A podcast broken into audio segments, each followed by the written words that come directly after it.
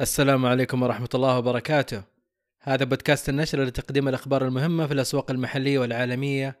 أقدمها نياد السليمان. في البداية بنتكلم عن موضوعين رئيسية عودة العمل على بر جدة وأحداث من العيار الثقيل في قطاع التقنية. وبعد كذا بنشارككم أبرز ما جاء في الأسبوع الماضي.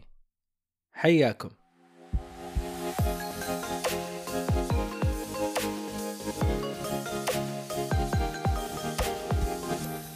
وبعد سنوات طويلة من التوقف تم الإعلان عن عودة العمل في بناء برج جدة اللي المفروض أنه يكون أطول برج في العالم بارتفاع قدره كيلومتر. يحيط بالبرج مدينة جدة الاقتصادية اللي تشمل أبراج ومسطحات مائية ببنية تحتية متطورة وفخمة تبلغ تكلفتها الإجمالية 20 مليار دولار والبرج الواحد يكلف 1.23 مليار دولار. يحتوي البرج على 200 طابق وبارتفاع مثل ما قلت لكم يوصل لكيلومتر.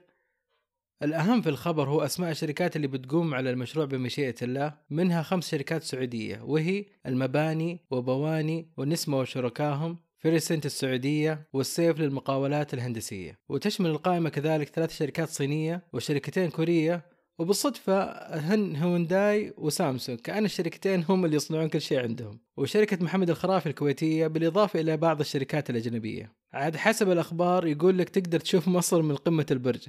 أنا ما أدري شلون وجدة أصلا موازية للسودان في البحر الأحمر مو مصر. بس مع هالارتفاع ما تدري كل شيء جايز. يمكن تقدر تشوف السودان ومصر ومكة والطايف ويجدر بالذكر أن ملكية شركة جدة الاقتصادية تتوزع ما بين شركة المملكة القابضة بنسبة 40% ومجموعة بخش بنسبة 40% ومجموعة شربتلي بنسبة 20% أعلنت أبل في مؤتمرها الأخير يوم الثلاثاء الماضي عن الآيفون وأعلنت كذلك بنفس المؤتمر عن ساعاتها الجديدة اللي صراحة ما قدمت أي شيء جديد. بخصوص الآيفون رضخت الشركة أخيرا لمطالب الاتحاد الأوروبي بتوفير منفذ ال USB-C بدل ما كان ال Lightning اللي استمر من عام 2012 وكانت تنوي الشركة الاستمرار فيه ولكن القيود أجبرتها على التغيير. لأن ال Lightning وبكل بساطة كان مصدر دخل للشركة بكيابل الشحن والإكسسوارات وكذلك الرخص اللي تمنحها للشركات اللي تنوي صنع هذا النوع من الكيابل للعملاء. رغم أن مدخل ال USB-C يوفر إمكانيات مهولة لكن أبل نفسها ما كانت مستعدة لهذه النقلة. على أي حال الحين المنفذ موجود بكل أجهزتها الجديدة ولكن في الآيفون العادي بيقدم نفس الإمكانيات اللي كان يقدمها مع ال Lightning في النسخ السابقة. عكس ال Pro اللي خصصت له حيز في معالجها الجديد كونه منفذ USB-C 3 بإمكانياته العالية والمفيدة للمستخدمين المحترفين. وأما المستخدمين العاديين فما يفرق معاهم الإثنين. أبرز التغييرات في نسخة ال Pro هو مصنعية الجهاز اللي جت هالسنة بالتيتانيوم المعدن الأقوى والأخف وكذلك تطورات مهولة في الكاميرات أخذت صناعة التصوير في الجوالات لمستوى أعلى من السابق. لكن وكالعادة مستحيل يمر مؤتمر أبل مرور الكرام عن باقي المنافسين. على سبيل المثال سخرية سامسونج من أبل في تغريدة تقول لهم أهلا بكم في عام 2012 كون أنهم أضافوا منفذ ال USB-C لأجهزتهم بهذيك السنة. ولكن اللي ما يعرفه الأغلبية هو أن أبل تملك براءة اختراع ال USB-C نفسه وهذا يأكد بأن أبل بالفعل كانت منتفعة من وجود ال Lightning ولا ليش ما غيرته من ذاك الوقت. بالنسبة لي أقوى تطور مصاحب لهذا المؤتمر هو تطورات وتصعيدات شركة هواوي اللي أعلنت قبل المؤتمر عن جهازها الميت 9 برو واللي باستطاعة الاتصال عبر الأقمار الصناعية وتسبب بصخب كبير حول الموضوع. وكانت الصدمة عند الأمريكان في أن هواوي نجحت في صنع أشباه الموصلات اللي كان الغرض من العقوبات عليها تعطيلها عن الوصول لها وكذلك كانت الصدمة أكبر كون المعالج الجديد كان مصنوع بتقنية السبعة نانومتر لأنهم في السابق كانوا متوقفين عند ال 14 نانومتر مع العلم إن كل ما قصرت المسافة بين جزيئات المعالج كلما ارتفعت كفاءة وسرعة الاتصال ونقل البيانات. صحيح الآن أبل وصلت لتقنية الثلاثة نانو ولكن هذا يهدد الأمريكان بالخطر كون الصينيين أصبحوا أقرب من السابق. المتأثر الآخر هي شركة كوالكوم اللي كانت تصنع المعالجات للجميع ما عدا ابل الآن وبعد نجاح معالجات هواوي بتبحث الشركة على بيع معالجاتها على كل الشركات الصينية وهذه خسارة كبيرة لشركة كوالكوم كون الشركات الصينية هم أبرز الشركاء. وما ننسى إن سامسونج طورت من معالجات اكزينوس وتنوي بالفعل الاعتماد عليها قريبا وهي ذاتها اللي تصنع معالجات ابل وكذلك شاشاتها. وهواوي ما وقفت عند هذا الحد بل إنها أعلنت عن جهازين آخرين وهم هواوي ميت 9 برو بلس وكذلك هواوي ام إكس 2 القابل للطي بنفس المعالج. وبصراحة طريقة إعلانهم غريبة وكأن أحد أمرهم فجأة بالإعلان لأنهم ظهروا وكأنهم غير مستعدين. وهذا الموضوع له تفاصيل سياسية بطول الحديث عنها. وفي خضم هذا الأكشن أعلنت جوجل عن إقامة مؤتمر جوالها الرائد بيكسل بيكون يوم 4 أكتوبر وبكل أمانة المؤتمر يجي بتوقعات منخفضة جدا. وبخصوص تفاصيل موضوع هواوي وأمريكا صراحة شفت فيديو مميز جدا للمميز جدا أدهم الغامدي في قناته تيك فويس على يوتيوب. وبأترك لكم الرابط إن شاء الله في الوصف. والآن أخذكم في جولة لأبرز ما جاء في الأسبوع الماضي. تسعى المملكة العربية السعودية لجمع 11 مليار دولار عبر قرض مشترك فيما سيكون أكبر صفقة تمويل في أوروبا والشرق الأوسط وأفريقيا هذا العام وذلك ضمن خطط تمويل أنشطتها الاستثمارية.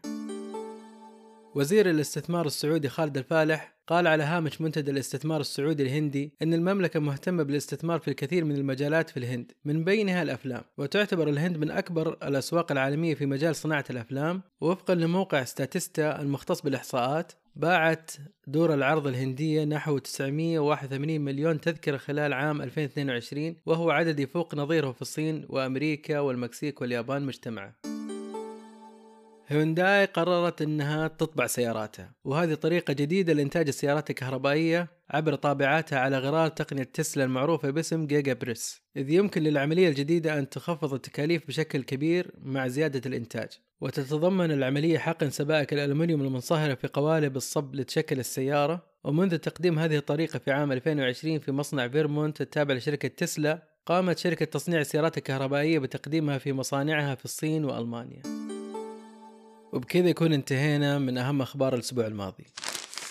في خبر صراحة لما قرأته انزعجت كثير. وهو فيما يخص أزمة آه، كتاب المعاصر ثمانية اللي هو خاص بالقدرات. يباع في مكتبة جرير ب 118 ولكنه ينفذ بسرعة وفي موقع حراج تلقاه ينباع في ب 300 ريال. ويتضح الحاصل بأن البائع يشترون الكتاب مستغلين حاجة الناس الماسة وهذا يختلف آه، عن مفهوم احتياج السوق. لأن احتياج السوق ملبى في المكتبات ولكن احتكاره بهذه الطريقة هو المشكلة.